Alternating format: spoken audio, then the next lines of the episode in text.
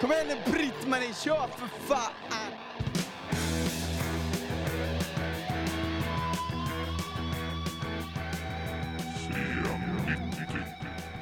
Vi rullar igång ett nytt avsnitt av C90-podden. Hoppsan! Niklas, man får väl nästan säga grattis i efterskott va? Huff! Det är som, som en elev sa idag. Eh, hur gammal är du Niklas? Ja, sa jag. Gammal, men inte så gammal. Ja, du är 100 om 50 år. Han hade koll alltså. Ja, jag hade berättat för han, han frågar typ varann, varannan dag. Det är, det är en, en av mina elever, han, har- han har, som man då säger, funktionsvariation. Så att han har, eh, vad ska man säga, han har inget filter. Okej. på så vis. Så att, eh, han, det är han som har sagt att jag var fett fet och sådär. och jag har försökt tala om för honom att "Oj, det funkar med mig, du kan säga det. Men du kan inte gå och säga det till vem som helst. Det kan få liksom inte." andra Exakt. konsekvenser. Absolut, absolut. Jo men jag tackar. Är... Man har trätt över på den, den andra sidan. Mm. Och eh, vad det nu innebär. Man kommer inte undan längre. Nej, Man gör ju tyvärr inte det. Det är galet. Det är galet. Nej, men jag kommer ihåg när man fyllde 20, då var det mycket så här. Jag vet inte om det var snack runt omkring, men det fanns någon känsla av att man inte kom undan med saker på samma sätt som man gjorde när man var tonåring. Liksom, att man kunde skylla på åldern. Men sen, jag vet inte, vattnades det där. Och sen när man fyllde 30 så tänkte man likadant. Så här, att ja, fan 20, då- när man är 20 någonting, då, då, Ja, då kan man göra vissa grejer som nu exakt. inte är okej längre. Liksom. 50, då är det inte mycket kvar. Liksom. Nej, nej, verkligen inte. Och det, det, det roliga är att man, jag har pratat med, med andra polare om det också, just det där med att man tänker tillbaka på ens, ens, jag tänker tillbaka på mina föräldrar när de var i den åldern och hur deras liv såg ut. Och då konstaterade min en annan polare just där också att inget minne av att min min farsa var liksom ute och träffade polare och drack öl och Alltså det var något så här. Klart var ju lilla Ängelholm, det fanns något så här superutbud och eh, AV var ju inget liksom begrepp på den tiden. Men Nej. inget minne av sådana grejer. Det, det, ehm, Nej, inte jag heller. det, så det är annorlunda på så vis. Och, och så på så vis kan jag känna att jag, jag känner mig ju fortfarande, om man nu kan gå efter det, men att man känner sig ung på så vis.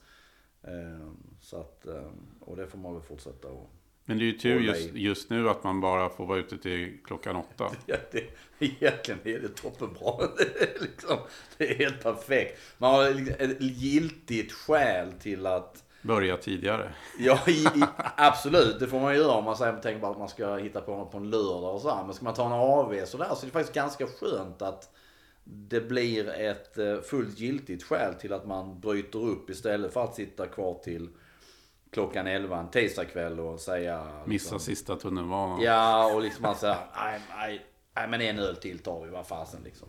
Så att jag var ute i, i, igår faktiskt och, och käkade indiskt med polare och så här och vi satt och snackade men då var det liksom vid, vid åtta var ju det klart. Det var inte mer med det. Mm. det, var, det var ju lugnt. Nej, det är inte mycket att diskutera. Nej, Nej. inte direkt. Inte direkt.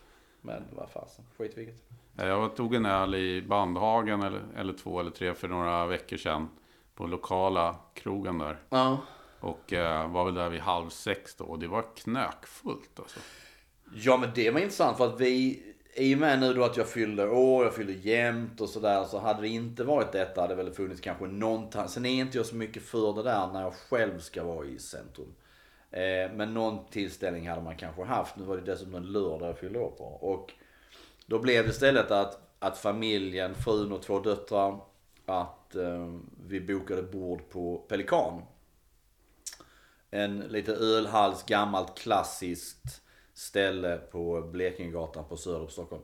Eh, som jag verkligen älskar. Eh, och jag tänkte lite sådär att okej med det som är nu, det ska vara fyra per, per bord eller vad det nu är för någonting och sådär och det ska vara avstånd och sånt.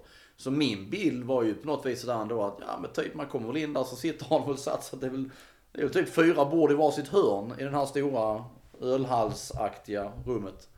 Men vi kom in där och det var ju, det var som vilken lördag som helst. Mm de hade gjort så att de visste att det var, det var mellanrum och sådär och det var inga problem. Det var bara fyra per bord och sånt. Men helsike vad liv det var. Alltså det var så jäkla hög ljudnivå, vilket det blev där. Det är så högt i tak och så också. Men jag hade helt glömt det. Så att eh, det var skittrevligt och lugnt och sansat och, och, och sådär. Och eh, det var ju samma att det var ju vid, vid klockan åtta så slutade de servera alkohol men folk kunde sitta kvar och äta och så här. Och det var ändå en strid ström av människor som kom in och sig på nya bord och käkade och så här. Så att, och vilket var positivt och bra också med tanke på att det behövs ju för dessa kära ställen så att de klarar sig. Mm. Så att, så, nej men det, det var helt okej. Jag var nöjd. Jag var hemma lagom till eh, På spåret. Det var det var. Det är inte lika kul nu när inte Hellacopters är Nej, husband längre. exakt. Nej, faktiskt. Nej, det var ju faktiskt riktigt roligt och man märkte ju på en del polare så här, mm, vilken pepp det var. Liksom. Folk satt Jo. och värmde liksom för På spåret. Absolut. Och, och nej, men det var väl, och, och det var ett smart eh, drag. Eh, jag menar, får säga både av eh, The Helicopters men även då med pappa från Ghost. Just med tanke på den tid som är nu och eh, du är inte ute och gigga och ett bra sätt på att, att visa att du fortfarande finns. Eh, bästa sändningstid, alltså kan inte bli bättre. Det är ju liksom, och det var väl, var väl väldigt höga tittarsiffror då när Helicopter spelade också. Så att det, nej för fasen. Det är. Ghost, pappa Emeritus där, han eh, var ju gäst i det si- sista avsnittet där, körde Stones Sympathy Just for the det, Devil. just det, just det. Det var väl sista gången Hellacopters Mm. körde. Ja. Ja, just det. Sen var ju Tåström eh, Ja, avsnittet det. innan där. Då var det ju också Men den var bra den också den de gjorde. Eh, Den låten de körde tillsammans. Nils Ferlin. Just det. eh, Jag gillar den. Det, var, det funkade tyckte jag. Ja. Och det är väl också en sån där grej som är typiskt för den tiden vi är nu. Att jag, jag vet inte om Thåström hade dykt upp i På spåret i vanliga fall och inte Hellacopters heller. Nej, nej, troligtvis inte. Eh, Det, det, det, För det som, det som såg, jag har inte hört om, om vad de själva tyckte eller sagt sådär, men det såg lite konstigt ut att de så här var tvungna att stå Ja. Där hela tiden. Ja, så här, det är ganska långa Ja, perioder när de Ja, inte visst. spelar något. Med, visst, när visst. själva frågesporten pågår. Ja, nej det såg lite speciellt ut helt klart. men, eh, nej men det var bra, det var bra jobbat. Det, det tycker jag. Absolut. Det var lite kul att höra de här när de drog lite så små jinglar så vävde de ju ofta in Ja, det kom in lite Kiss-grejer och så här liksom. ja, allt snyggt. möjligt. eh, Lite riff och... Ja, ja, ja, för fasen. Det, är- nej, det där kan ju framförallt väl Nick Andersson. Så att det, nej, det var bra. Det var Ja. snyggt.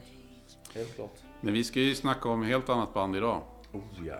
Ett, helt, ett, ett sånt här klassiskt C90 tillägnat ett band. Alltså, porrmustascher och... Randiga brallor, ja, verkligen. jeansvästar Oj, oj, oj. och... eh, Ja, nej, det är dags för Scorpions.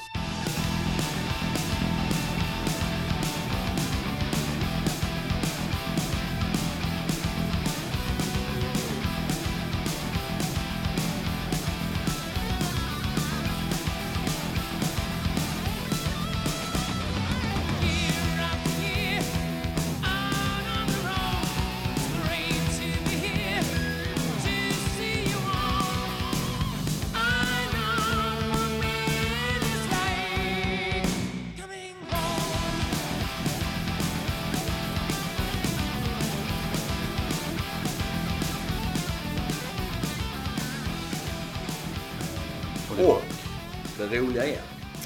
Denna dag när vi spelar in detta så är det eh, samma dag som deras debutalbum släpptes.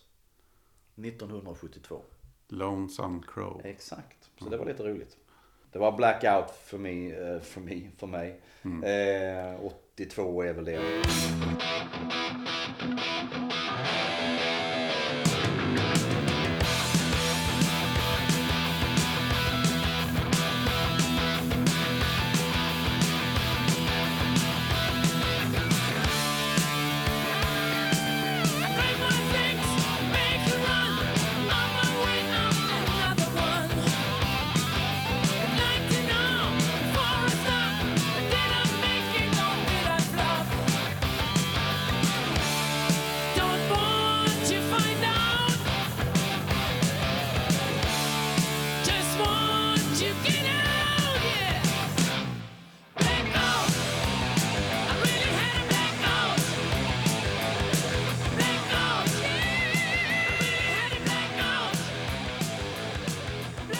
Var ju blackout för mig med. Ja. Eh, Ett inspelat Zenit-band såklart. Jag vet precis. eh, Det var en kompis som hade spelat in av en annan kompis i fotbollslaget. Och så lånade jag det kassettbandet. Jag kommer ihåg att jag hade så svårt att lämna tillbaka det. och Blackout var ju en eh, ruggigt bra eh, introduktion Ja till Scorpions. Ja, man blev ju ett fan direkt. Alltså det är en stark platta. Ja det är det. Eh, och eh, jag tror ju, och sagt det innan då att som sagt det, var ju en polare då som alltid, han fick ju alltid plattor. Eh, men han hade den, han köpte den på vinyl. Och jag spelade väl då också tror jag in den på band. Det var ju fruktansvärt mycket band på den tiden. Jag hade ju liksom, där i början när man började så hade jag ju, jag hade ju betydligt fler band än jag hade vinyl. Man önskade ju sig så här fempack tomma Ja, ja. kassettband. ja visst. Absolut. Så att, eh, julklapp egentligen. Ja, och så, så hade jag dille på att oftast just när det gäller kanske mer Kiss då, att jag skulle rita egna omslag och såna här grejer. Det skulle se kul ut. Men, eh, nej men sagt Blackout och just som jag sagt tidigare också i ett avsnitt att jag, jag tyckte just låten Blackout var nog fasen det hårdaste jag hade hört. Och samtidigt på vägen hit här idag så tänkte jag också att ah, det är lite intressant för så hårt lät ju egentligen inte när man lyssnar på det idag. Och samtidigt så var jag ett stort fan av The Number of the Beast med Maiden som kom ut samma år. Och där har ju också låtar som är liksom riktig hårdrock och så här. Men jag tror lite hade också med omslaget på Blackout att jag för mig att jag hade lite svårt för omslaget. Jag tyckte det var... ja, det var Obehagligt. Ja, det var någonting med det som inte riktigt sådär eh, klickade med mig. Eh, som tog lite tid. Ehm, Med en person som har gafflar i, Ja. ö- i ögonen. ja, Ja. det var något. Jag vet inte fasen. Det, men det var, det var ju den introduktionen och sen så nästa gång som det blev något med Scorpions var väl det här då Lucia Rock från Dortmund.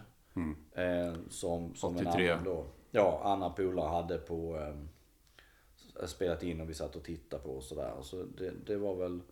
Eh, och jag menar då var de ju heta och, och vid det laget hade de ju fått fram det sound som man sen väl får klassa som det, det, deras klassiska sound. Också med den sättningen som är den klassiska. Det mest framgångsrika sätt, Ja. sätt till eh, skivförsäljning och sådär. Men det är också, vi pratade om tidigare den här, som jag upplevde det, hårdrocksvågen som kom Mm. över, över Sverige då bland annat.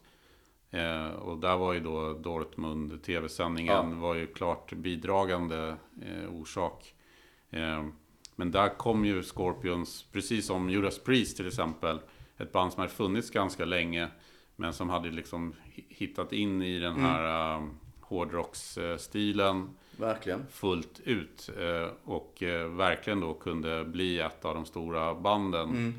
De hade ju ett namn som passade det här Scorpions och de hade de här skivomslagen som Särskilt då när man var 11-12 år blev väldigt fascinerad av för att det var liksom lite farligt och Oh ja. Eh, absolut. Eh, och just med Judas Priest, för det, det är lite så här också att som du säger där, ru- runt den man tänk, tänker då tidiga 80-talet där.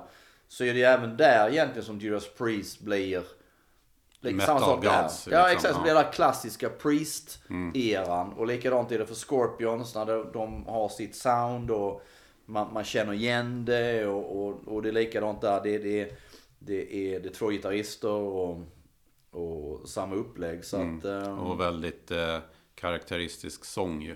Verkligen. Att man hör ju direkt när det är Klaus Meine. Ja, och det tror jag sådär att, att hans röst många gånger nog har varit lite av en sån här vattendel. Att an- antingen tycker man det är bra eller så tycker man han är för jäkla skränig och inte något så här. Okej, okay. jag har aldrig haft eh, problem med Nej, inte jag heller. Eh, jag, jag har eh, aldrig sett det som så. Men jag vet andra som har tyckt att Klaus Meine låter liksom det, det, att hans röst var lite jobbig. Det, då har jag ju bet- betydligt svårare för exempelvis då King Diamond och sådär när det är övergått till den här falsett-grejen på något vis. Eh, men nej, Scorpions. Eh, fastnar jag ganska så snabbt för det. Och sen så är det mycket där också att de runt de där åren där eh, figurerar ju ganska ofta i Okej okay också. Vill jag minnas. Att, att Okej okay kör en hel del så här feta live-reportage, oftast från USA. Eh, när de har varit där och lirat. Eh, så det var, det var de bilderna man såg och de här klassiska posen de alltid gjorde där Schenker och Jabs stod på eh, längst fram bredbent och så Klaus Meine hoppar upp och står på bådas ben och mot slutet av konserten är det väl. Eh, så att, eh, en, en bild som kan beskådas på baksidan av World Wide Live. Just det. Live-albumet. Ja, och, och den tror jag egentligen så tror jag att min, min egentliga peak för Scorpions kom, är nog World Wide Live. Mm. Eh, när den kom, det var svinbra. Vi, vi lyssnade jättemycket på den. Man satt och tittade på bilderna och den här, eh, eh, man slår upp eh, gatefolden och eh, det är ju... Eh, Ass Festival. Ass Festival, eh, exakt. Några år innan va? Är inte det? Ass, ja, Ass Festival är 83. Ja. Uh, San Bernardino, uh, Heavy Metal Day där. Uh, Så bilden är nog lite äldre än inspelningarna egentligen där. På, jo, i det, exakt. När det gäller den bilden. Men det är en grymt fet bild. Ja det är det ju. och, men samtidigt var det så också att då, då blev, blev det ju också där att man hade ju ingen... Vid, vid den tidpunkten när den kommer så är jag nog inte medveten om.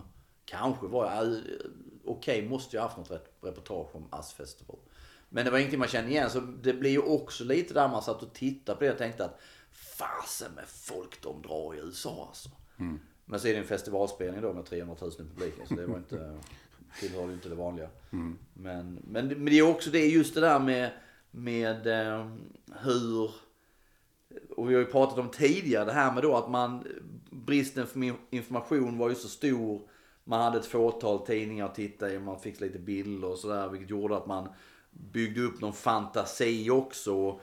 Jag minns, eh, det har vi också snackat om just här, något, något, eh, något nummer poster och, och där det står att ah, då är väl när Kiss, det är runt 76 när de ska komma till Sverige.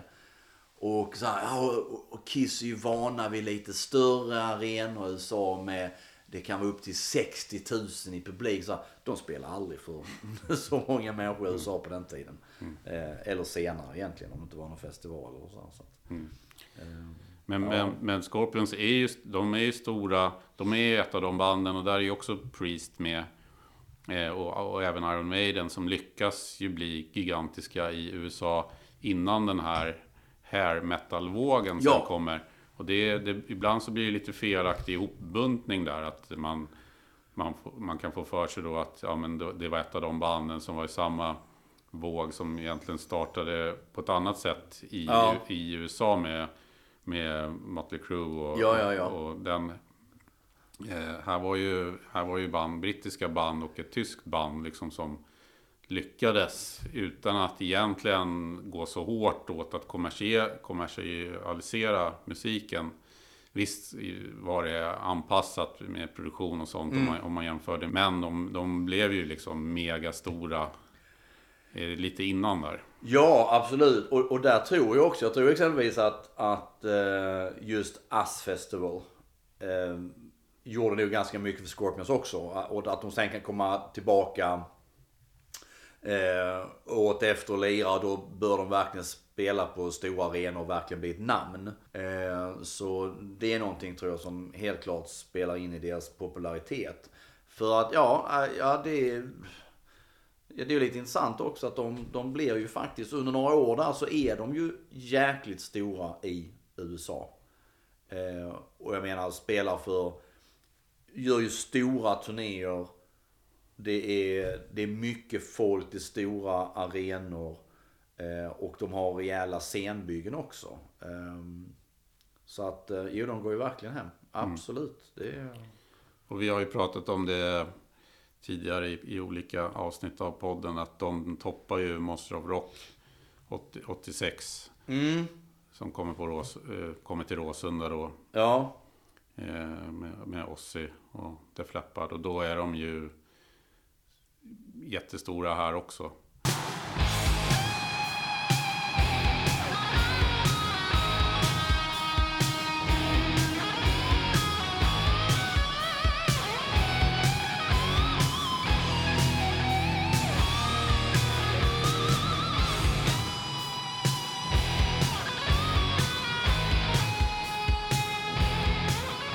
De är ju på piken där helt enkelt. Sen får de ju en annan peak med eh, Wind of Change-låten eh, några år senare. Men, Utan tvekan. men det är kanske det är liksom lite mer en peak eh, när det gäller lyssnare som, alltså då blir det ju mainstream hit Ja, eh, med en låt liksom. Helt klart. Det, det tror jag också. Och ehm, jag menar, jag tror då att mitt, mitt, mitt intresse för Scorpions, ehm, det börjar nog, inte att det börjar dala efter Worldwide Live, men ehm, efter Worldwide Live blir jag nog mer då, som sagt, som jag har sagt tusen gånger tidigare, inne på den amerikanska scenen. Och, och Sunset Strip. Och, och Scorpions är det där bandet som man vet man gillar och en låt kommer på och det är bra och, och sådär. Men inget som jag aktivt, på så vis, stendiggade. Ja, Jag köpte ju Savage Amusement som kom eh, 88 då. Två, Ja. år, två år efter World Wide Live och fyra år efter Live at First Thing. Just det. Eh, som var då studioplattan innan. Ja, Och den har jag förstått i efterhand att det var något man ville göra någon slags hysteria som Def Leppard. Att man eh, la ner otroligt mycket tid i studion. Ja. Och, och det blev ju inte alls eh, eh, lika bra. Lite svagare låtar kanske från början. och Så. Ja, men där, just Savage Amusement och den. Och jag, jag satt idag och, så här, och körde runt på YouTube och kollade lite. Då finns det bland annat en... Ehm, eh, ett helt gig från eh, Toronto, Maple Leaf Gardens. Eh, en kamera, eh, filmat från, så att säga, eh, läktaren mitt emot scenen. Så det är väldigt, det är väldigt bra eh, filmat. Bra ljud och, och snyggt så här eh, Och hela giget. Eh, och där ser man verkligen det vilket, där menar man, menar, där är de ju nog egentligen på toppen så för det är ett jäkla scenbygge. Som ska se ut med trappor som ska liksom efterlikna, man ser en skorpion framifrån. Och så satt jag och tittade på det och så mindes jag så här live-reportage i Okej. Och jag satt och tänkte så här, fasen det var ju någon, det finns ju bilder så här taget ganska nere från fototiket upp. Där det ser ut som att det det är ett stort jävla så här svartvitt flying V som hänger i ljusriggen liksom. Eh, och då är det ju att mot slutet kommer ju en del, kommer det ner en, liksom kommer ju gitarrhalsen ner.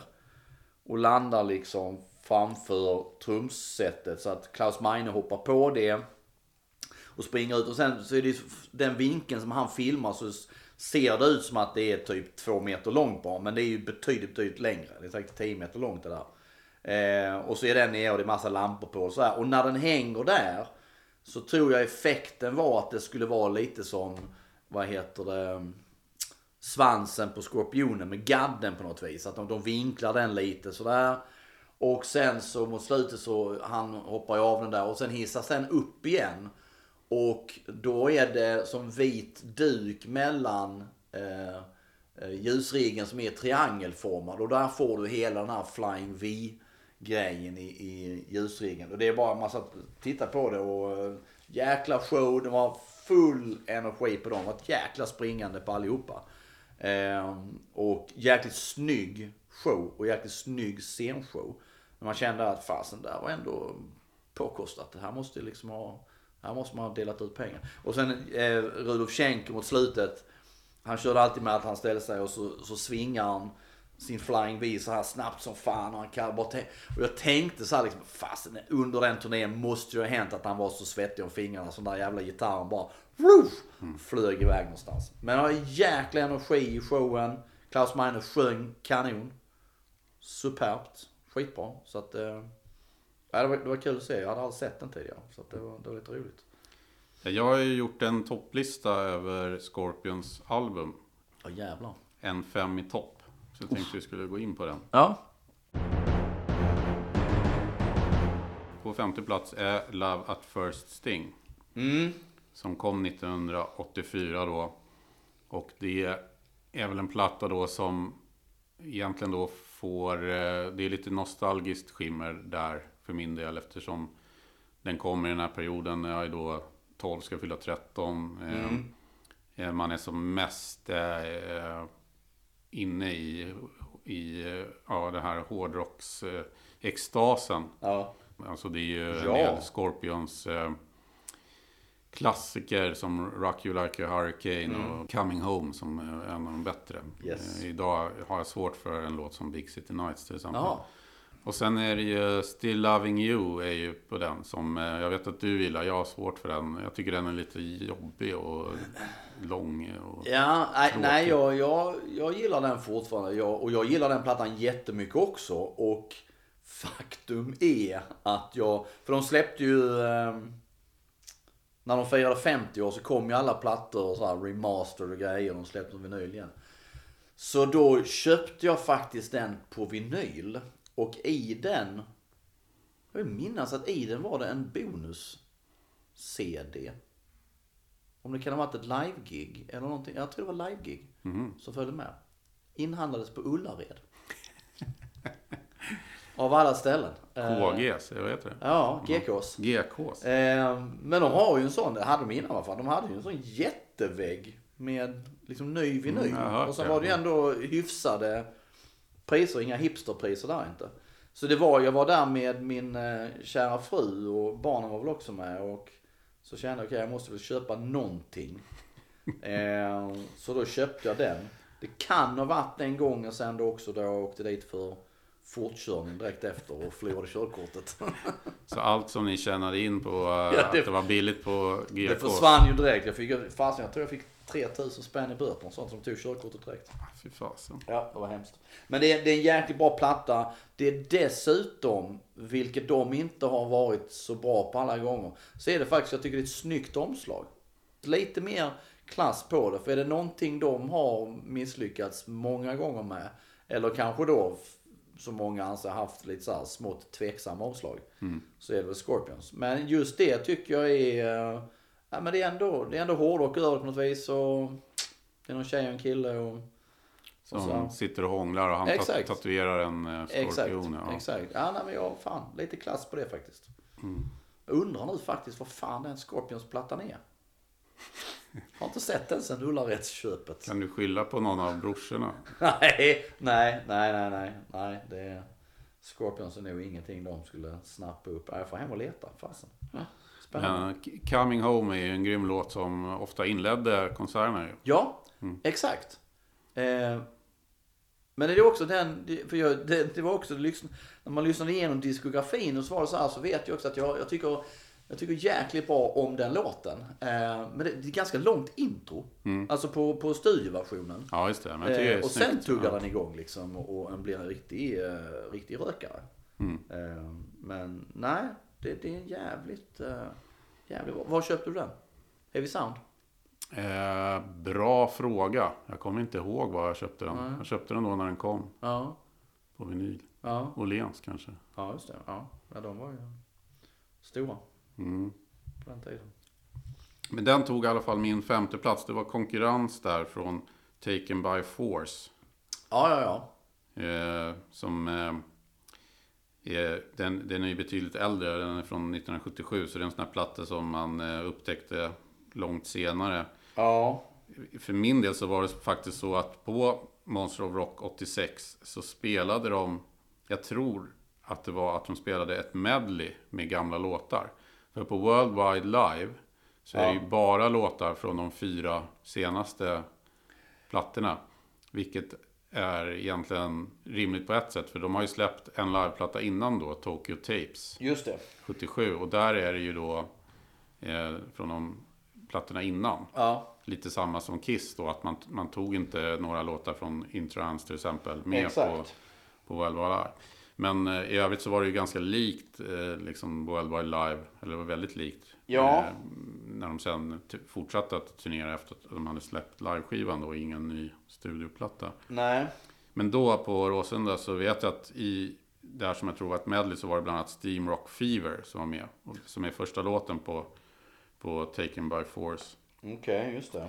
Eh, så, och det var den som det gjorde att eh, idag efteråt tycker jag, tycker jag väl inte att det kanske är någon av deras allra bästa låtar. Men Nej. det var tillräckligt då för att jag skulle så här, leta upp vilken skiva den, den var ifrån.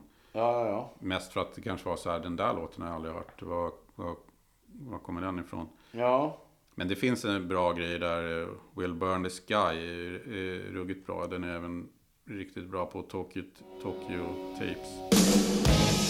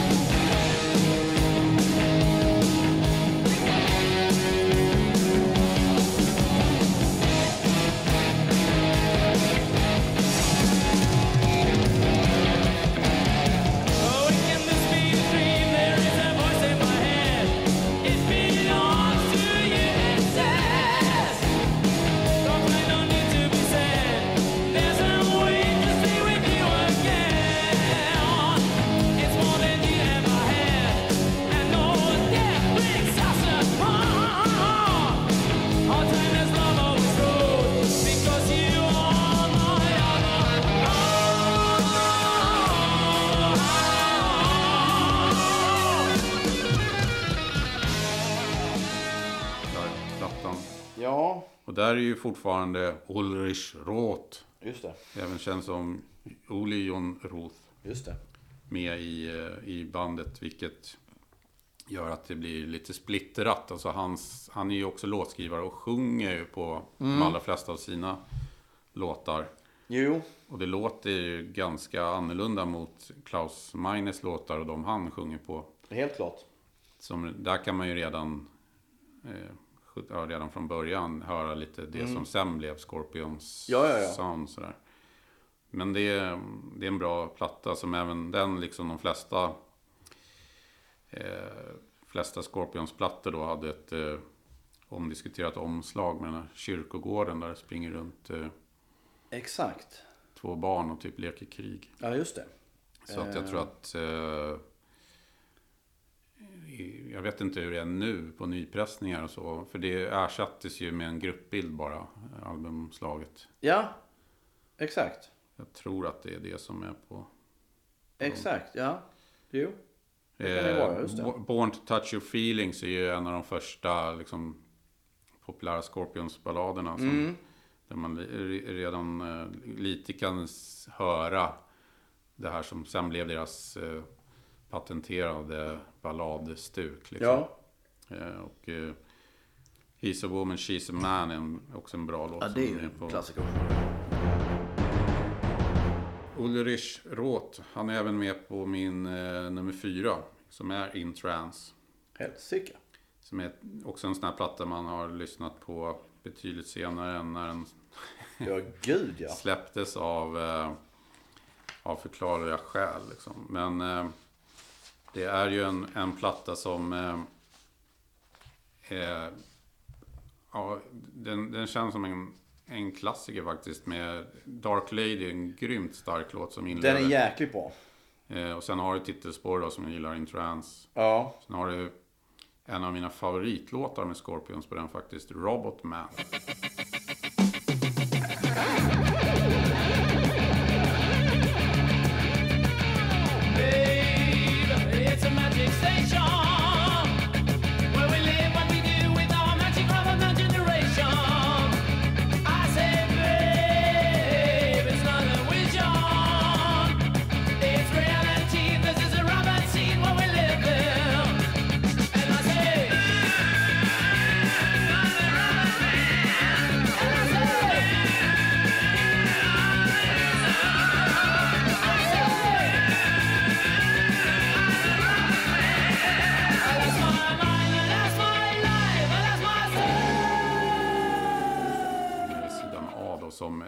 Faktiskt eh, Stockholmsbandet Void gjorde en cover på bara för Ja. typ två år sedan. Ja, ja, ja. Som jag nästan tycker är bättre än Scorpions version. ja, ja. Men där har du ju fortfarande det här med att det är en väldig skillnad på Ulrich Roths, Ole John Roths. Ja, eh, helt klart. Den här, den här lyssnade jag också igenom för bara några dagar sedan för första gången på jeez, hur länge som helst. Eh, och blev ändå, får jag säga, positivt överraskad. Eh, men länge var det, jag tror för länge för mig var det nog så också att de här plattorna, just eh, om man tänker sig då, In Trance, eh, Flight to the Rainbow, Lonesome eh, Crow. Eh, jag hade ingen aning om, alltså om man nu tittar på när man började upptäcka Scorpions 80-talet. Jag hade ingen aning om att de existerade. Nej, absolut Utan inte. eh, för mig var det så att när jag, när jag upptäckte då Scorpions runt 82 Blackout så var det väl nästan som att det var på något vis den första plattan. Eh, och sen senare så fick man lite nys om eh, eh, Love Drive och, och de här andra. Men de där plattorna som In Trance och det var långt, långt senare. Som, och sen tror jag som då jag överhuvudtaget såg dem. Eh, att man såg omslaget så här. För övrigt är det ett jäkligt snyggt omslag på den också. In Trance. Ja, Ja, det är ju den tjejen på, på en Fender-gitarr där. exakt. Och den var ju också att den... Eh, Man såg för mycket av hennes man bröst. såg ju. för mycket. Alltså att det, det mörkades över. Men det, det, var snyggt på något vis. Och så klassiska Scorpions-loggan där. Det är ju tredje plattan och där kan man ju, där börjar de ju liksom Ja. hitta eh, Helt klart. Om du tittar på Lonesome Crow som har ett snyggt omslag tycker jag. Med Ja. den här eh, eh, handen över skorpionen. Just det. Eh, där är ju, där låter det ju väldigt annorlunda. Alltså där är ju mer, det är väl lite så här kraut, eh, rock. Ja, definitivt. Och eh, det är väl lite samma på, Flight to Rainbow. ja, som Ja. har ett fruktansvärt fult Ah, omslag. hiskligt alltså. Jävlar. Det är också samma undrar hur fasen gick det igenom att någon godkände det? Ja, och det, det hade faktiskt... eh, någon, det gjordes någon intervju med, med Olle John Roth som, eh, om, där han fick frågan. Ja. Och där han sagt så här, men fråga mig inte vad, liksom, varför och vad det där ska betyda. Det är någon, hur ska man förklara det? Det är en snubbe som har någon slags så här svetsarhjälm på huvudet. Och så står han på liksom så här flyg, snurrande flygplans eh. Ja, alltså jag tror länge när jag var liten och de första gångerna jag, jag såg det där så fick jag alltid, jag liksom, gjorde alltid någon skateboard-association vad fasen det var. Men, ehm, men ja, nej, hiskligt. Men sam, samtidigt har man förstått det också eh, genom åren när man, på, just speciellt på 70-talet och sådär att det var ju så ofta då, då banden hade liksom ingenting att säga till. Det var någon art director som satt på bolaget och så hittade de på någon bild och sen så var det bara att okej, ja, så här blev det. Och man hade inget liksom att säga till om det. Ehm, men det är hiskligt jävla fult. Och den, just den plattan, den minns jag sen i varje fall att, att jag såg. Fly to the Rainbow. Ja, att jag såg sådär i reabackar och sånt där. Men jag tror många gånger avfärd, och jag trodde liksom att det var en samlingsplatta och någonting sånt där. Så det var, och det var, där var lite också att omslag var så jävla fult så att det fanns inte en chans att jag skulle få för mig att köpa det. Eh, Även om det skulle kosta så här 20 spänn så, nej, galet. På plats nummer tre då, första pallplatsen. Animal Magnetism Oj, oj, oj. oj. 1980. Ja. Och där kan man ju säga att Scorpions, då är de ju det bandet som, eh, Ja, som sen blir det här jätte... just det. Och det är redan på skivan innan Love Drive, men vi, vi väntar med den då. Och, och där har du ju The Zoo som är en av Scorpions Oj, oj, absolut bästa låtar. Det finns en grym version av den på World Wide Live. Oj. Och eh, Make It Real. Japp. Did you ever have a secret yearning? Don't you know it could come true?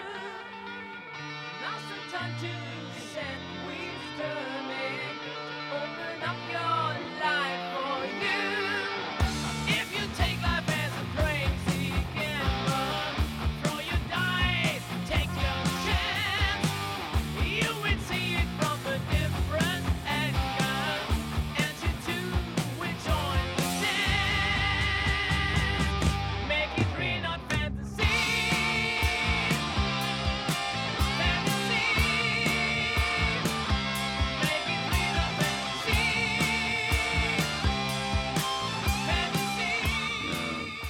Make No Promises, Lady Starlight. Nej, det, är, det är mycket bra. Och Klaus Meine visar ju liksom vilken eh, låtskrivare det är. Men även trummisen då som eh, har ju kommit, Herman Rarebell är ju Exakt. med och eh, framförallt skrivit texter då. För han var tydligen den som var bäst på engelska. Nej, men det är också ett eh, omdiskuterat omslag där med eh, en hund och en tjej som står på knä. Ja, så framför en man då. Mm. Och det, det har alltid, alltid, men det får mig att tänka på, inte för att det är likt egentligen, men det, det, det har liksom en liten vibb av Spinal Taps Smell the Glove. Eh, för där är det ju, jag tror det är väl någon som har gjort sen i efterhand, men då var det ju, tror jag, liksom original. Och det pratar han ju om. Eh, för det, det är ju där de säger What's wrong with being sexy. När de säger ett sexist. Eh, och eh, deras eh, manager eh, säger det att "Ja, du skulle ju sett eh, omslaget de ville ha egentligen. Och det, är, det finns någon sån här liksom fake grej liksom att det är en, en tjej som står på alla fyra som sniffar på en handske som en mans hand håller fram och fast det. Det är lite vibb. Men det är också så här, det är, det är ju, ja klart det är animal magnetism men det är ändå väldigt oklart vad, vad, vad omslaget ska vara. Eh, på något vis. Mhm. Eh, men det låg säkert en jättelogisk eh, tanke. Jag vet inte om detta är, eh, är det hypnosis? Jo, just det. Det stämmer. För de fasen alltså, fann några som gjorde konstiga omslag så var det de. Storm, Storm Thorgerson, ja. Ja, han, eh, de gjorde ju även eh, Pink Floyd väl. Och Oj, ja gud, han gjorde hur mycket som helst. jag Massa- läste, eh, jag tror det var Sweden Rock, om omslaget till High and Dry som Ja, med Def Leppard som är Ja. så här jättekonstigt. Ja. Och som egentligen var typ någon sån här skiss till någon Def, Pink Floyd. ja just det kan det ha varit ja. Ja, ja. Och då, han gjorde ju även så här ufo Mm. Eh, grejer och, och eh, de var ju kända och jättestora. Dirty Deeds Done Dirt Cheap är väl också hypnosis som också så här jättekonstigt. Um, Man undrar ju, alltså det skulle vara kul att göra typ en tv-serie om, Ja. om den där designbyrån liksom. De kan ju Absolut. bara ha suttit och rökt på liksom. Ja men det måste varit det. För, för samtidigt var, var de ju än, än idag enormt erkända. Och liksom, Ja. Men det var ju verkligen artsy fartsy och, Ja. och liksom väldigt eh, Men speciellt. ibland blev det ju liksom klassiker. Alltså, Ja, ja, ja, absolut. Eh, och de har ju senare gjort till, eh, jag tror faktiskt de har gjort grejer både till Rival Sons, eh, Biffy Clyro tror jag har gjort, men det får väl anses som ett nyare band. Har använt sig av, av eh, Storm Thorgerson eller sådär. Hypnos vet inte om det finns längre, knappt men. Mm. Men, nej, väldigt speciellt, det måste man säga. Och de gjorde ju då också omslaget till min andra placerade Scorpions-platta. Love Drive från 1979. Mm, mm, mm.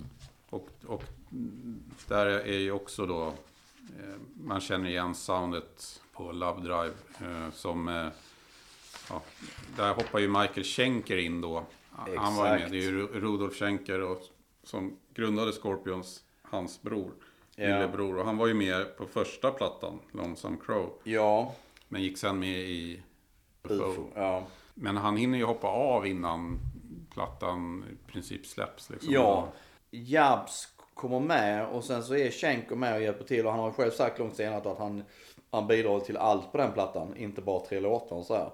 Och sen börjar de gigga eller vad fasen det är och sen hoppar Schenker av och då tar de in Jabs tillbaka igen liksom. Mm. Men där är, det där, där är ju hans, den första låten han då någonsin skrev, In Search of the Peace of Mind. Som Michael Schenker nu har med på sin senaste platta. En, en ny version då. Och, och jag snackade med honom för någon gång i slutet av förra året. Och han har ju sagt i fler intervjuer också. Men det var ju så roligt att det står att eh, lyrics, vad står det? Lyrics and music by Michael Schenker och Rudolf Schenker var det. Och han sa det att det, det, det, skulle, ju- det skulle stått någonting annat. Det skulle ju stått, eh, de visste ingenting om engelska. De kunde absolut inte engelska. Så att eh, det var ju bara fake eh, alltihopa. Det var någon som hade skrivit dit det. Eh, och han sa att det skulle inte stått så som det stod senare som Rudolf Schenker har gjort. Att det bara stod musik eller vad fasen det är. Eh, väldigt speciell människa. Måste man säga. Ehm, Ja, det har man ju förstått. Alltså. Ja, eh, Intressant och han är ju lite spacey och, och lite out there sådär och är väl nu fortfarande då i Ja, förbannad på sin brorsa Rudolf och, och sådär. Och, och han hävdar, fortsätter hävda, Michael Schenker fortsätter hävda att han lyssnar ju och har aldrig lyssnat på, på ny musik och musik överhuvudtaget. Nej. Eh, hur man nu lyckas med det. Men, Vad fasen var det han sa i någon intervju att den senaste, den nyaste låten han hade hört var typ såhär The Final Countdown. Ja, det kan det säkert vara. Men samtidigt kan jag förstå, för han har ju den här liksom hippie-grejen att han inte vill... ehm, han, han vill väl inte ha någon yttre påverkan för sitt kreativt skapande. Eh, sen hur man lyckas hålla det på något vis och inte ändå blev påverkad av saker och ting. Det är... Nej. Han gillar arkitektur. Berättar han. Det var kul. Ja, men den kommer ju 79 och där sätts ju då den framgångsrika och eh, på många sätt klassiska 80-talsuppsättningen ju.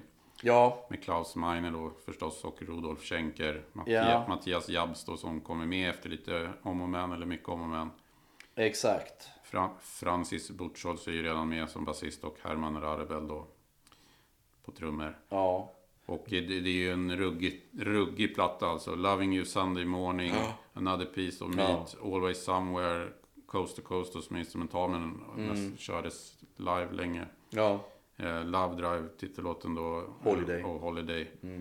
Och där, där hittar de ju verkligen den här balladformen som Ja, skulle bli absolut. så fruktansvärt eh, framgångsrik. För att det är ju, man hör, de är ju ganska nära besläktade. Som sen fortsätter med Still, Still Loving You och Ja. eh, Believe in Love eh, på Savage Amusement. Och även då, då kulminerar väl med Send Me An Angel och eh, Wind of Just det. Change. Just det. Wind of Change framförallt då. Ja men de var, de, var, de var duktiga på det om man tänker tillbaka. Scorpions var just den här tiden, var, de var duktiga på, för det är jag, jag gillar många av de här balladerna. Eh, de är jäkligt snygga.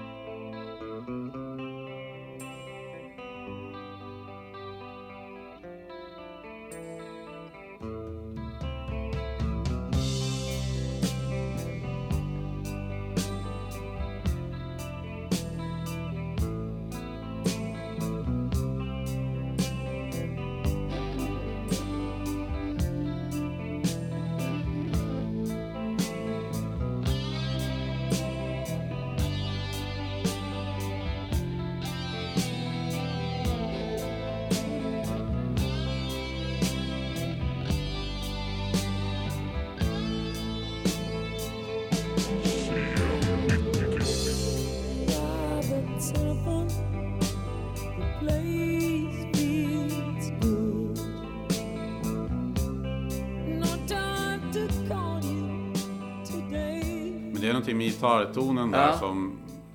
som det, jag vet inte om Rudolf Schenker snodde det från brorsan. För det är lite samma som man kan höra i Ja. UFO då med Michael Schenker.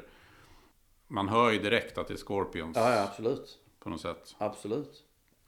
Det är snyggt omslag där också. Jag gillar faktiskt det. Ju, man vet ju inte riktigt, det finns ju ingen koppling till egentligen någonting. Nej. En tjej som har fått tuggummi på, Ja.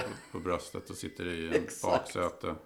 Och många låtar där som ju blev livefavoriter Ja, under, under, tvekan. många, Utan tvekan. under många år. Helt klart.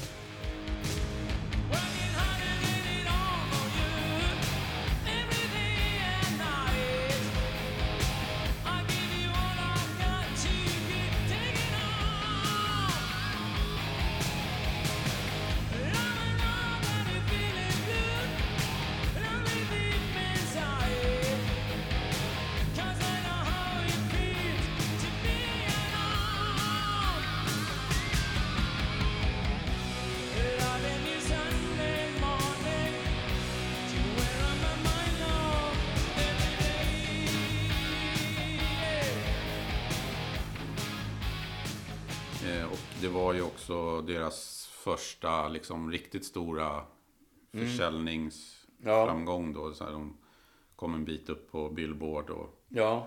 ja, bra platta. Och nummer ett då har väl alla listat ut. Oh, Humanity, Hour One. Ja, precis. Det var inte mycket att tveka på. Nej. Nej, men det blir ju såklart Blackout. Och jag trodde ju länge att det var Rudolf Schenker som hade stått eh, modell på omslaget och blivit avtecknad. Och han är ju även med i i en video då till en av låtarna från skivan då, No One Like You, där de har gjort en, en version av omslaget ju Ja, just det. i, i videon. Men det, nej, det, var, det är en eh, konstnär som heter Gottfried Heinlein som har gjort ett självporträtt med de där gafflarna. Ja, ja, ja, han, ja, är, ja. han är lik. ja väldigt länge. Han har den där tyska porrmustaschen. Mm, Precis som Rudolf. precis. Och där, eh, ja vi har ju varit inne på den då. Du har ju Can't Live Without You, No One Like You. Titelspåret såklart som minner om Dynamite. Oj, oj, oj.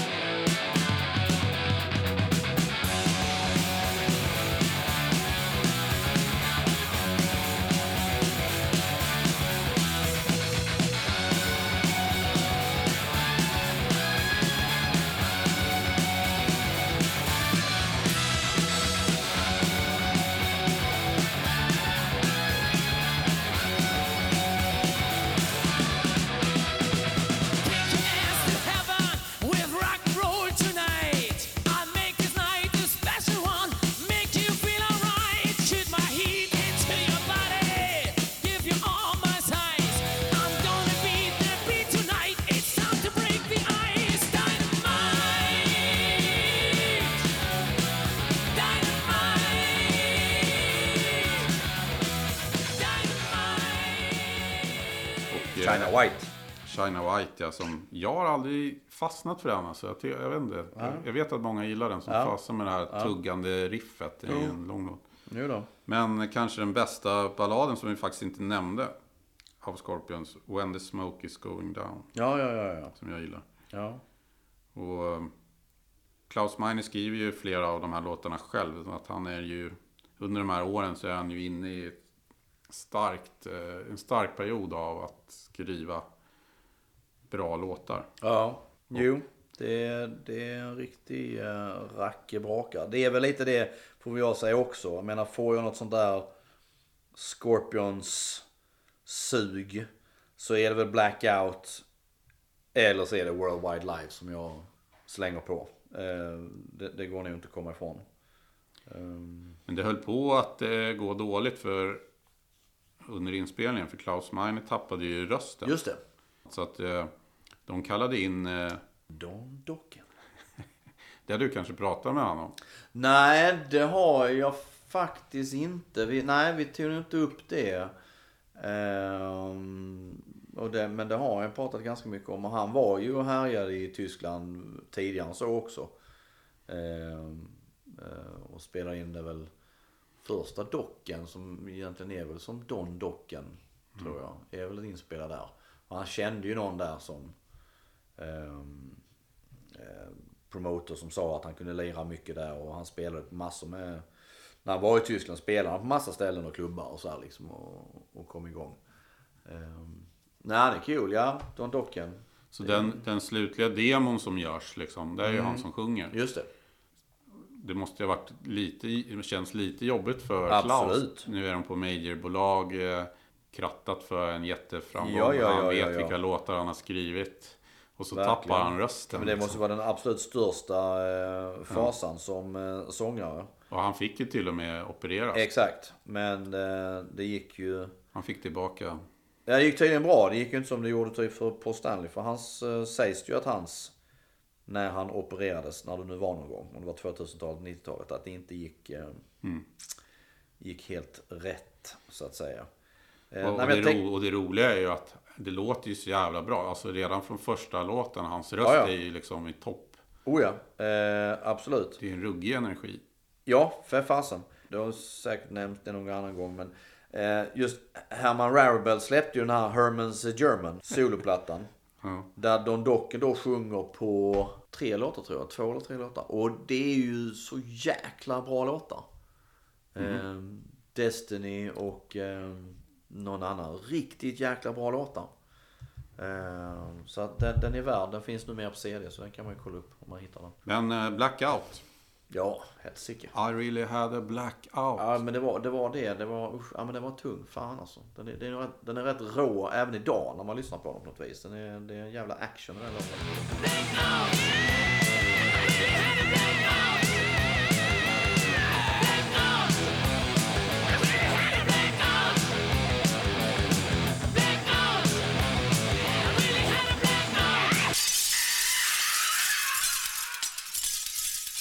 Den börjar ju ruggigt starkt. Blackout, can't live without you, no one like you. Ja. Det är en bra Det, det är trippelinledning. jävligt starkt. Eh, fruktansvärt starkt. Ehm. Det blir aldrig bättre sen. så jäkla hårt bara. Nej, men, Nej men det det ligger, faktiskt mycket, inte. ligger mycket i det. det att, det att det inte riktigt... ehm, De håller sig ju kvar liksom samma nivå med Jo. Love at First Sting och så. Och sen hela superturnérandet absolut. Eh, absolut. och plattan. Men det, det blir ju aldrig bättre på Nej, eh, när de tappar och sen så, sen är det dessutom, det går ju längre och längre mellan, alltså det går ganska mycket tid mellan varje skivsläpp också ju. Mm. Jag menar, mellan Love at First Sting och Savage Amusement, kommer det någon platta däremellan? Nej det gör det inte. Så är det, det är fyra år däremellan. Mm. Eh, och Och jag vet det släpptes ju sådana här, jag vet inte om det bara var i Europa. Det fanns en platta som jag vet många hade som hette Gold Ballads. Ja, Kommer du ihåg den? ja. Och det var typ samma omslag som Love at First Sting. Ja, ja, det, ja för Fast en fasen. annan vinkel Just det. bara Ja exakt, där, stämmer. liksom. Stämmer. Och, och då var det just de här balladerna, Just. Holiday och... Just det.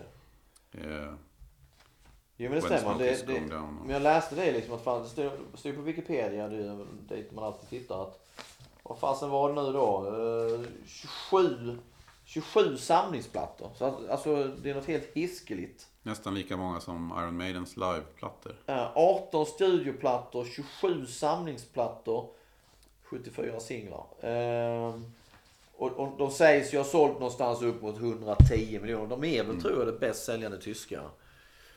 Och det får man säga också. Fan 110 miljoner det är jävla inte uh, pocket change. Just för att vara ett tyskt band också. Eh, och man kan tänka sig att det mesta jag har varit just den här 80-tals katalogen och det som är precis kanske innan där, sent 70-tal.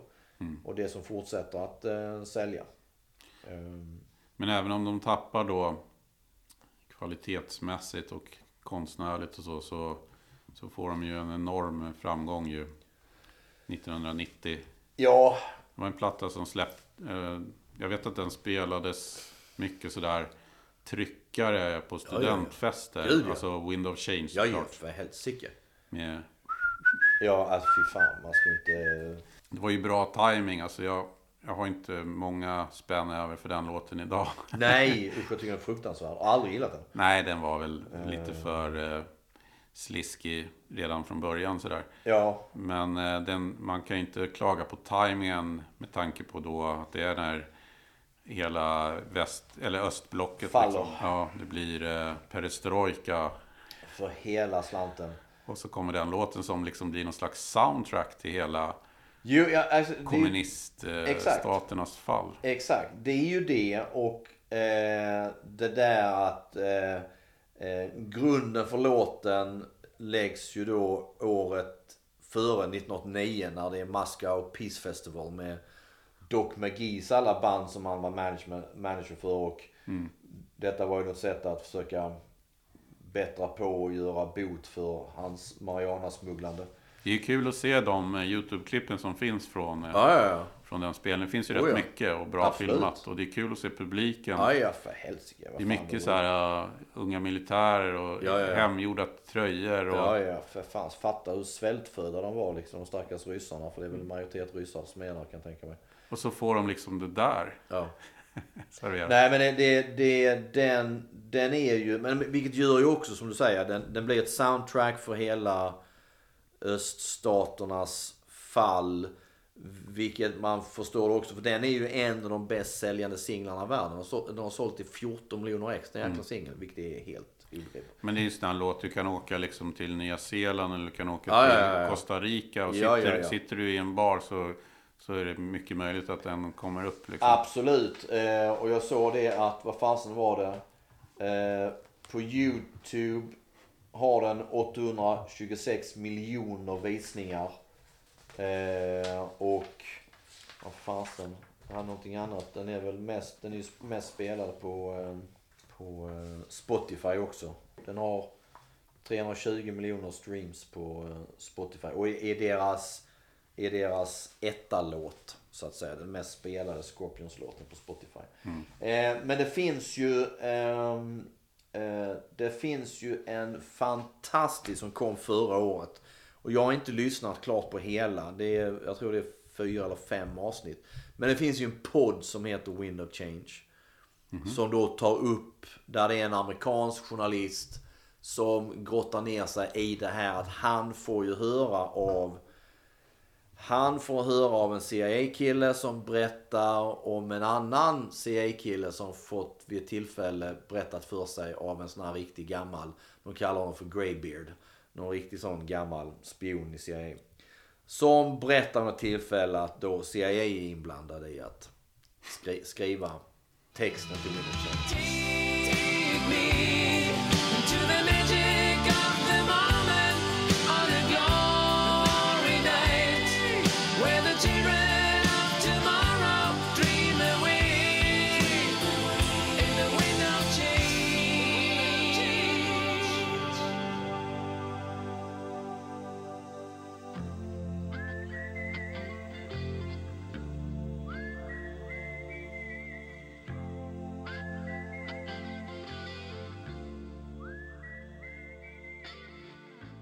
Men det, det är en jätteintressant podd. Jag läste dessutom att den troligtvis ska bli tv-serie.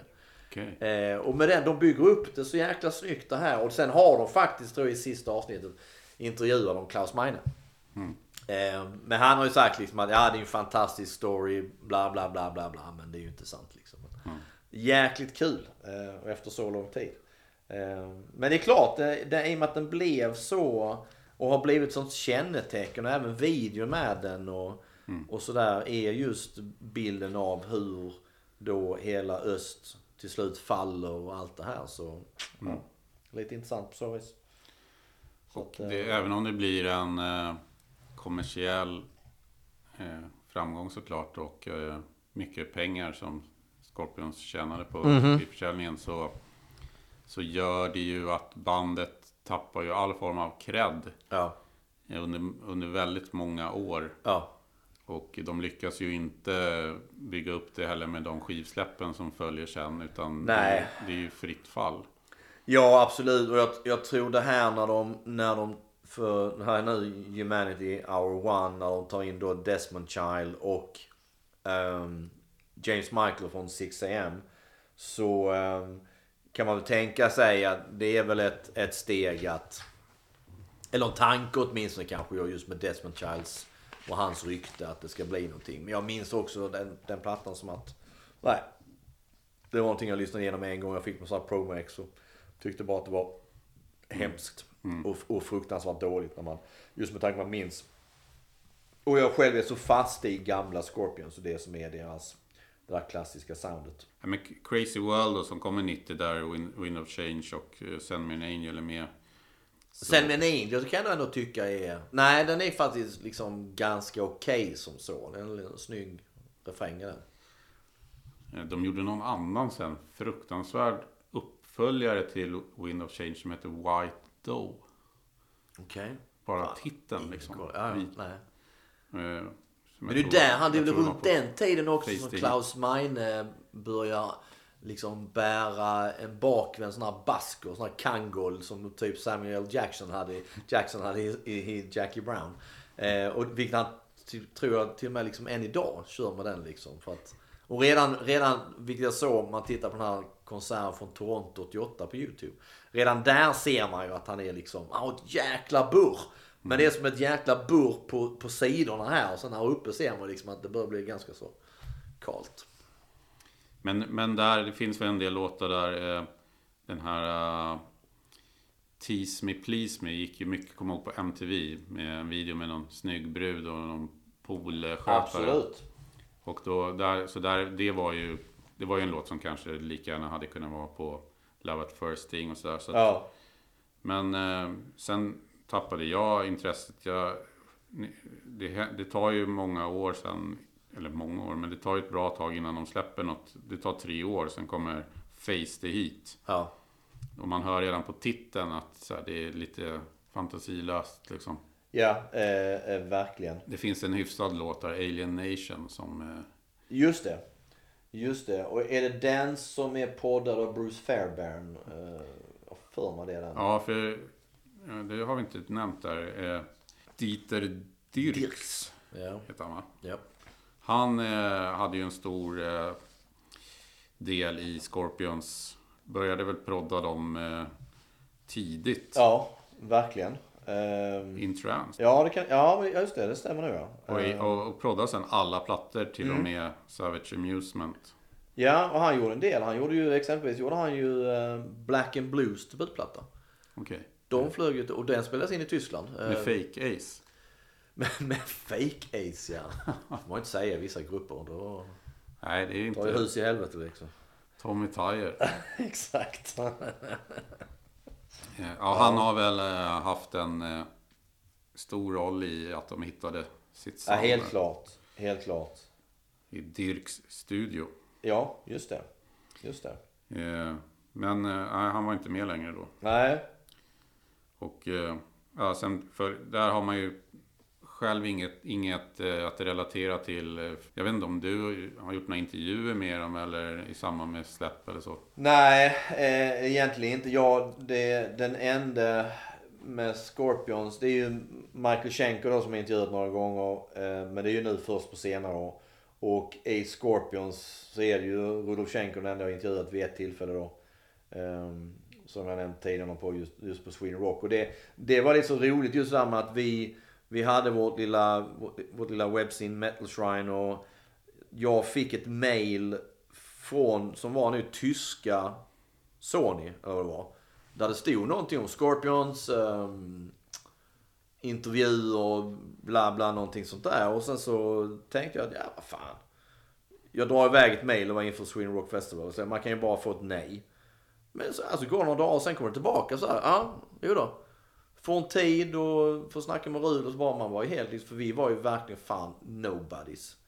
Och hemsidan var ju väldigt, väldigt B.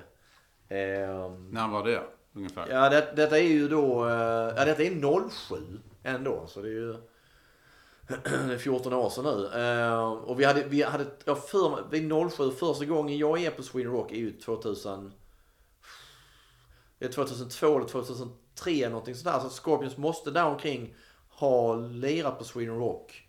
För att jag har foton på mig och Klaus Meine och Rudolf Schenker och Mattias Jabs från eh, hotell, eh, vad heter det, Ronnebybrunn. Där vi satt och hökade ofta. Så det är några, sen 07 då. Det var ju då Humanity Hour One som hade släppts. Ja, ja exakt. Eh, kan det vara. Men så får vi den där med Rudolf och eh, vi går ju där backstage 07 i det. De headlinar väl en av kvällarna där. Och eh, vi står där och hänger och får reda på då att han, han ska få sin jävla massage.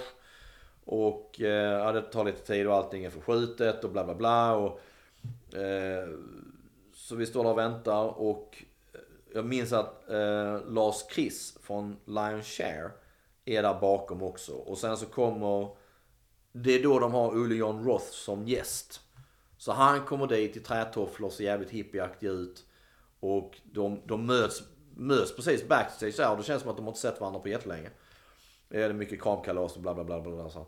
Och sen får vi då komma in och göra den här intervjun och eh, som sagt eh, Rudolf sitter där då barbröstad, iförd bara läderbrallor. stink och liniment i hela jävla rummet. Men det gick bra, han var skittrevlig. Och så, eh, så det var klart och, eh, och sen går vi ut och sen så är det här då att vi träffar ju, eller jag ser ju då och bara tänker fan är inte där Tommy Lees syra? Och så är det Athena för hon är ju där med James Kotak som hon är gift med. Han är då trummis i Scorpions. Och jag har ju då innan träffat Ronnie Montrose. Som jag haft mailkontakt med och gjort en mailintervju med. Så honom träffar jag, står och dricker lite vin med honom, han är skittrevlig. Och vi, som sagt, vi står båda och ser James Kotak i bakgrunden som är så jävla speedad och ADHD deluxe. Vi skrattar båda åt honom liksom och så här, för han är så jävla uppe i varv. Och sen så började jag snacka med, med Athena, hon är skittrevlig, hon bjuder på chips och grejer och bla bla bla. Och, Och det kommer fram en eh, skivbolagssnubbe eh, och frågar, är ni klara med intervjun? Ja, jo, jo, jo, vi ska vara liksom så här, vi ska vänta lite så här. För de vill ju ut den därifrån. Och sen hänger vi med Athena. Hon... Eh, vi hänger där backstage. Eh, hon drar sen upp oss på scen. Eh, så vi står sidan om scenen. Tillsammans minns jag med Lars Chris och någon till från Lion Share tror jag. Så vi står där och tittar på gigget. Så gigget drar igång och vi står på Rudolfs sida bakom hans förstärkare. Och vid ett tillfälle så står både jag och min polare Steve och hon håller oss båda i handen. Och det var, det var liksom... Det, var, det, det kändes så liksom? jättekonstigt. För att det var sen för att hon... Det, hon hade pratat om sådär att ja men fan vi måste... Jag brukar alltid eh, gå och sätta mig bakom eh, James när han kör trumsolo. Så att fan vi springer och sätter oss där bakom. Jag, jag brukar sitta så här och kasta cigaretter på honom. Och fan bara ja jo jo visst. Och då är det ju precis innan trumsolot så tar hon oss båda händerna. Bara det att det tar ganska lång tid innan det här liksom, trumsolot kommer igång. Så vi står där, jag minns att jag kände mig så jävla fånig för att man kände sig som man var 12 år gammal. Och höll liksom sin mamma i hand. Men sen så, så springer vi ju bak då och är där. Ryggar ner bakom förstärkarna. Vi är precis bakom James Kotak. Eh, han tittar ba- bak och är skitsur. Mycket märklig situation, eller? Mycket märklig situation. Han är skitsur, jag tycker det blir pinsamt. Eh, och vi bara känner så här, och jag säger till Pia så här, "Men vad fan, kan inte, det funkar. Han är liksom, han är sur som fan. Och hon är där, är där också. Och så att, Hon, Polans- hon, hon läste inte riktigt av situationen. nej, inte det minsta. Och hon, polaren, han kubbar tillbaka hållet vi kom ifrån. Medan det är så tajt däremellan och så har vi Athena emellan oss. Så att jag, jag känner bara Fastnar att, liksom. Exakt, jag, måste ju, jag får ju dra åt andra hållet. Eh, och precis då när jag, när jag springer på andra hållet, ryggar ner så här och det är ganska mörkt så här. Så håller jag på att springa rakt in i Klaus Meine som är liksom en tvärhand hög. Och han ska bak och sätta sig i ett litet, litet, litet svart tält. Där han väl ska pausa då medan trumsolot är. Typ. Så jag kunde sprungit ihjäl Klaus Meine.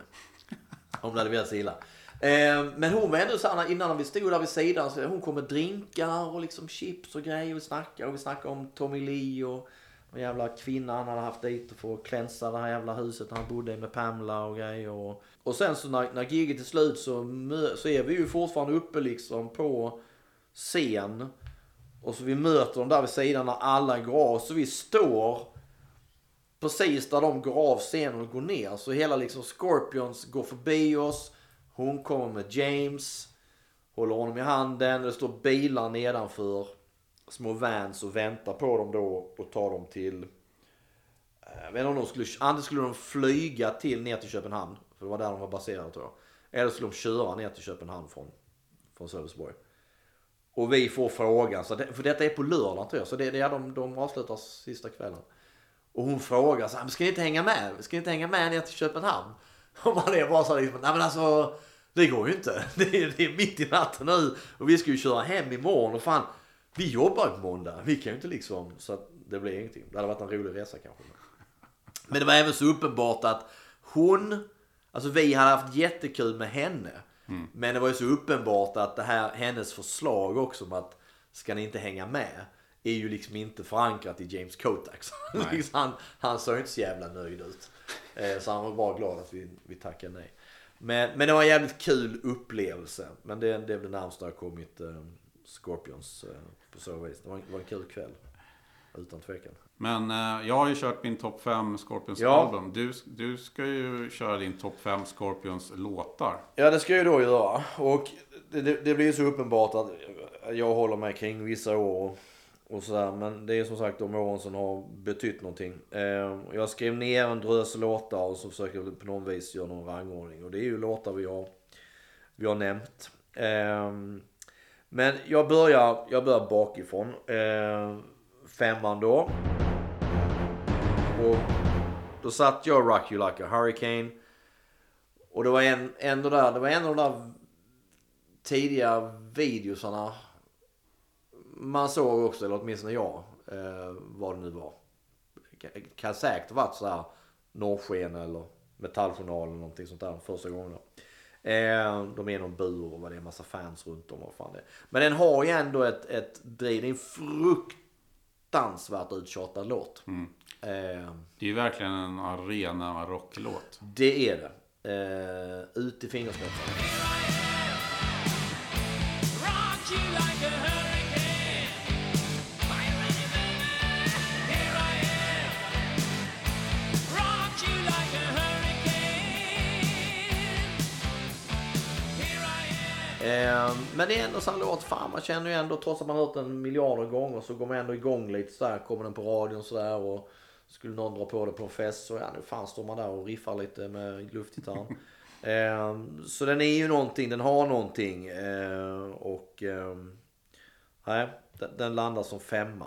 Från Eh, eh, 1984 ju. Love at first sting. Exakt. Eh, sen har vi eh, fjärde plats. Eh, Can't live without you. Från Blackout. Eh, också sådär som, ja, är väl en av de tidigare låtarna man hör. Väldigt effektivt riff ju. Ja, men, ja. Som går igenom egentligen Ja. eh, i ref refrängen ju. ja men de hade ju... Exakt.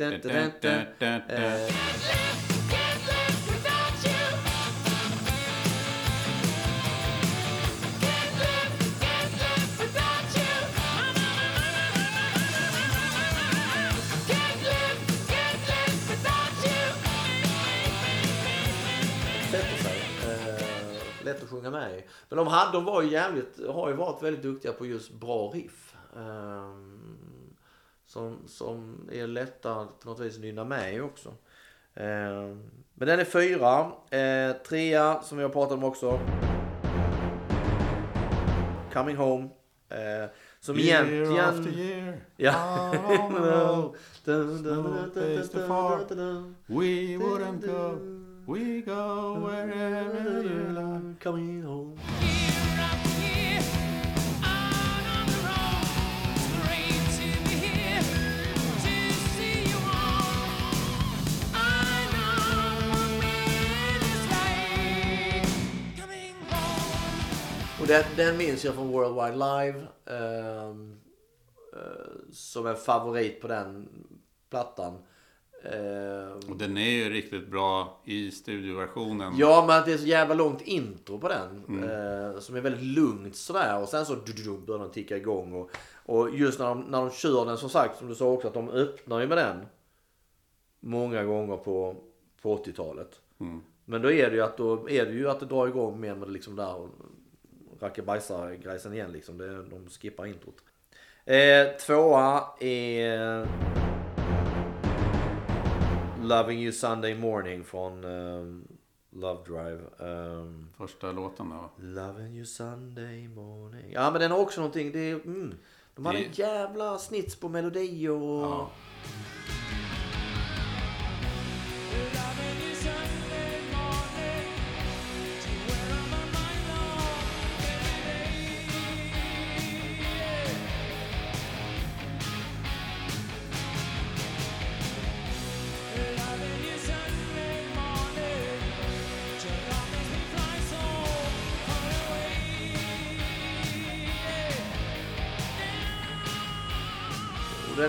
Den sånt som jag minns att jag ändå ganska tidigt snappade upp också och verkligen gillade. Eh, och som var återkommande på kassettband och sådär. Eh, etta är, och det är så... Den, det är en låt som den kan verkligen få så sug för. Eh, att, och det har faktiskt hänt ganska många gånger som de senaste åren att jag har suttit och så vet man inte vad man skulle lyssna på. Och bara, ja men vad fan. Och så just den låten och så kör den ofta som Worldwide Live och det är The Zoo. Eh, jag gillar det riffet så in i hälsena, tuggar sig fram. Ah fy fan, jag tycker det är så jäkla bra. Så jäkla bra och den är skitbra på Worldwide Live. Den är riktigt tung.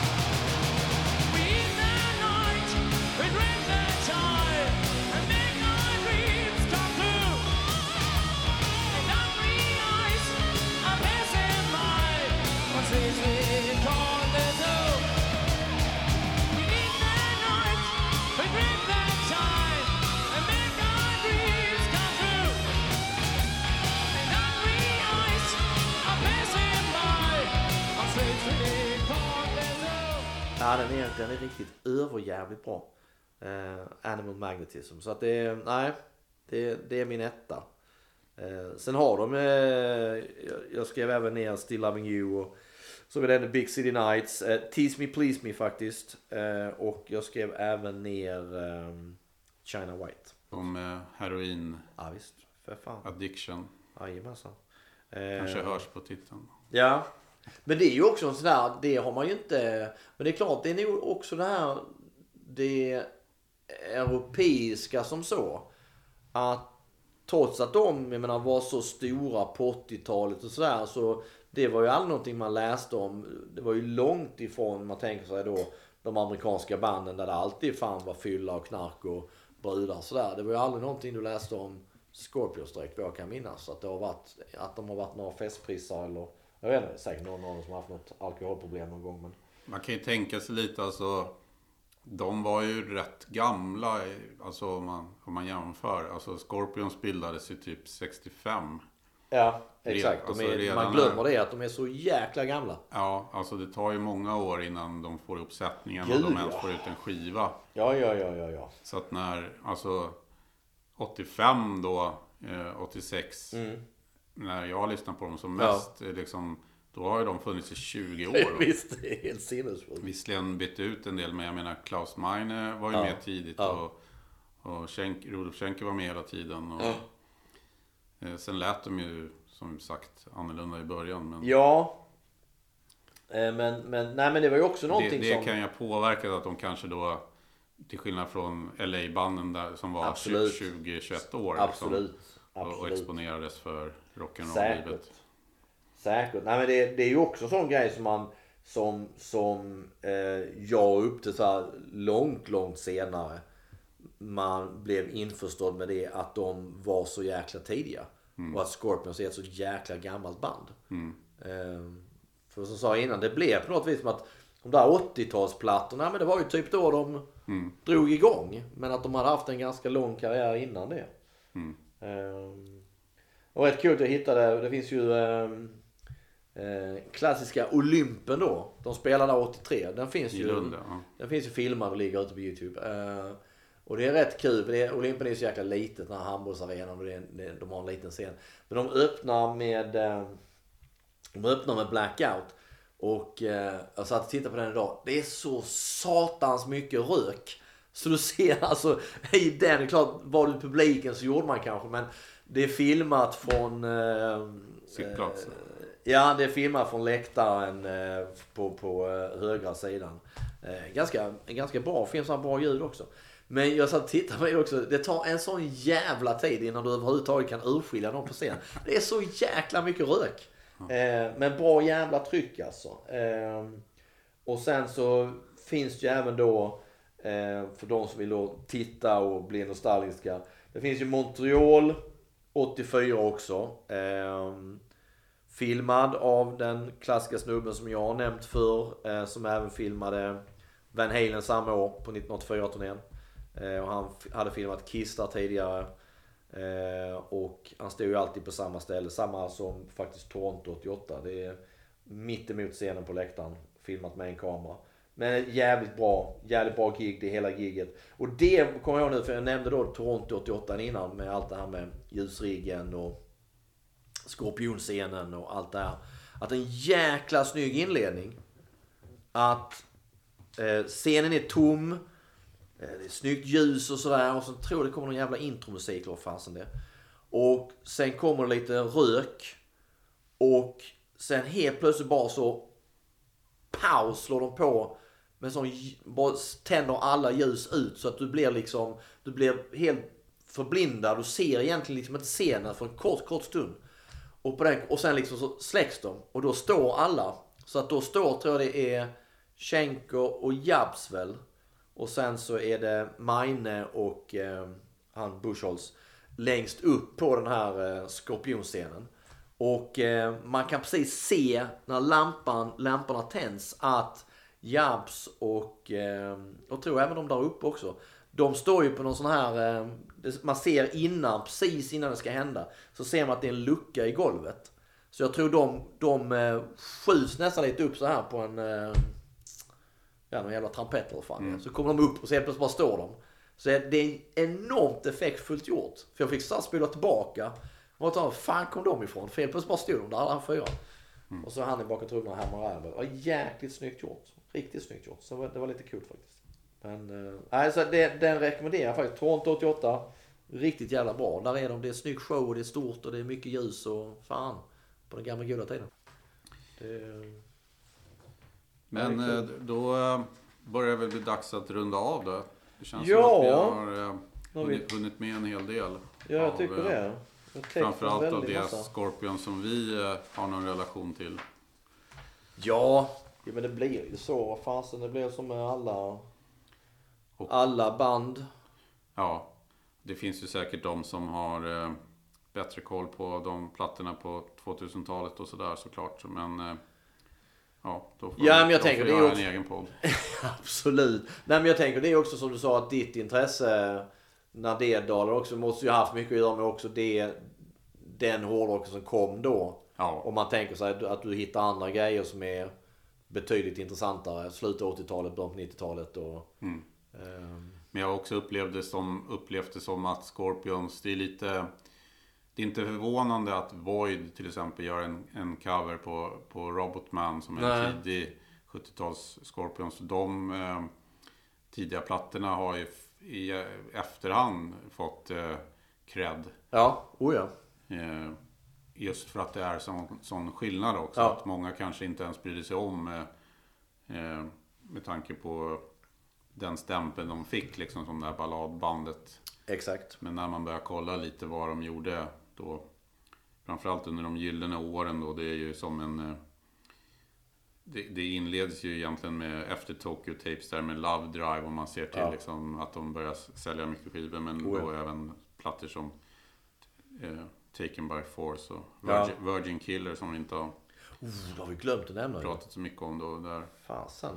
Det, är ju en, eh, det finns ju en del låtar där, Pictured Life, Backstage Queen som är med på Tokyo Tapes. Och, men den, den, det, när det pratas om den skivan så brukar det mest handla om omslaget. Ja, Där eh, jag tycker ju att det, ja, där passerar de ju gränsen liksom för vad man kan själv. Nej, eh, nej visst. Det, det, det är väl en, eh, en höjdpunkt i den dåliga smaken. Vilket även måste ha varit... Eh, för, det- för det blev väl kontroversiellt redan då. Även om man får tänka sig att 70-talet var... Det var en annan tidsanda och, och, och även med Scorpion som då som jag nämnt har haft en del knepiga. Eh, och även då fantastiskt fula omslag. Eh, men just Virgin Killer. Eh, den är ju till och med så att den. Eh, det- ska, den ska den säljas med skiv med originalomslaget. Om man tänker sig skivgrupper på nätet och sådär. Så är den ju sällan med. Eller så är den ju övertäckt eller någonting sånt där. Ja, det är alltså en tjej typ i tioårsåldern ju som är naken på ja, omslaget. och så är det ju någon. Det är väl krossad spegel dessutom, inte det? Ja. Eh, mitt i typ skrevet på henne så att man ska se det. Men, eh, nej men det var väl samtidigt var det den tidsen jag hittade bara igår så var det någon som dök upp. Det var det ju en eh, Jamaica. Eh, gjorde något, något försök att locka turister. Eh, det var då 1972. Och det försöker man göra då med en bild som jag hade aldrig sett den tidigare men som tydligen är en sån där bild som blev väldigt känd och blivit väldigt ikonisk med någon jamaikansk tjej som står i en... Det ser ut som en röd tröja och den måste vara i tyget, var väldigt, väldigt tunn. Eh, men den är ju helt alltså genomvåt. Så man ser ju precis, eh, liksom, man ser ju nästan rakt igenom den. Eh, eller det gör man dessutom. Och så står det Jamaica över hennes bröst så här. Och det är ganska bystigt så här. Men det var eh, ett, eh, ett sätt för Jamaica då 1972 att, att locka turister. Ehm, och såg även sen att eh, Alicia Keys, sångerskan, hade återskapat precis den bilden på, om det var något, jag vet inte om det var någon fotosession eller till någon, något skivomslag eller liknande, vilket var lite intressant nu på 2000-talet. Men, men det är också ganska talande för den tiden att man, eh, eh, man, man, man, man tänkte annorlunda och... Och Ja. samtidigt, jag menar visst, det, jag menar Virgin Killer, det blir ju det blir uppmärksammat. Och det är Mm. sådär, menar all reklam är bra reklam på något vis. Men eh, vi får väl eh, säga tack för den här gången då. Jag får göra, det var Scorpions det. Ja, eh, följ gärna C90-podden på Instagram och Facebook. Och eh, kom gärna med önskemål vilka fler band vi ska ta upp. Gärna. Det är några vi har kvar faktiskt. Ja, men det är, det är förbannat kul att sitta och snacka. För det blir ju lite det här att man, man gör den där djupdykningen och sen så sitter man och lyssnar igenom plattor som man kanske inte har lyssnat på på fasen 20-30 år. Upptäcker nya grejer och, och, och man hittar nya saker och så här. Så det, ja, det är jävligt eh, kul. Ja. Så eh, på återhörande. Yes. Tack för oss. I wake up in the morning and the sun begins to shine. The day did sneak up on the night. I see your face and I see myself and I get a little taste of life. I try to stand it for a while.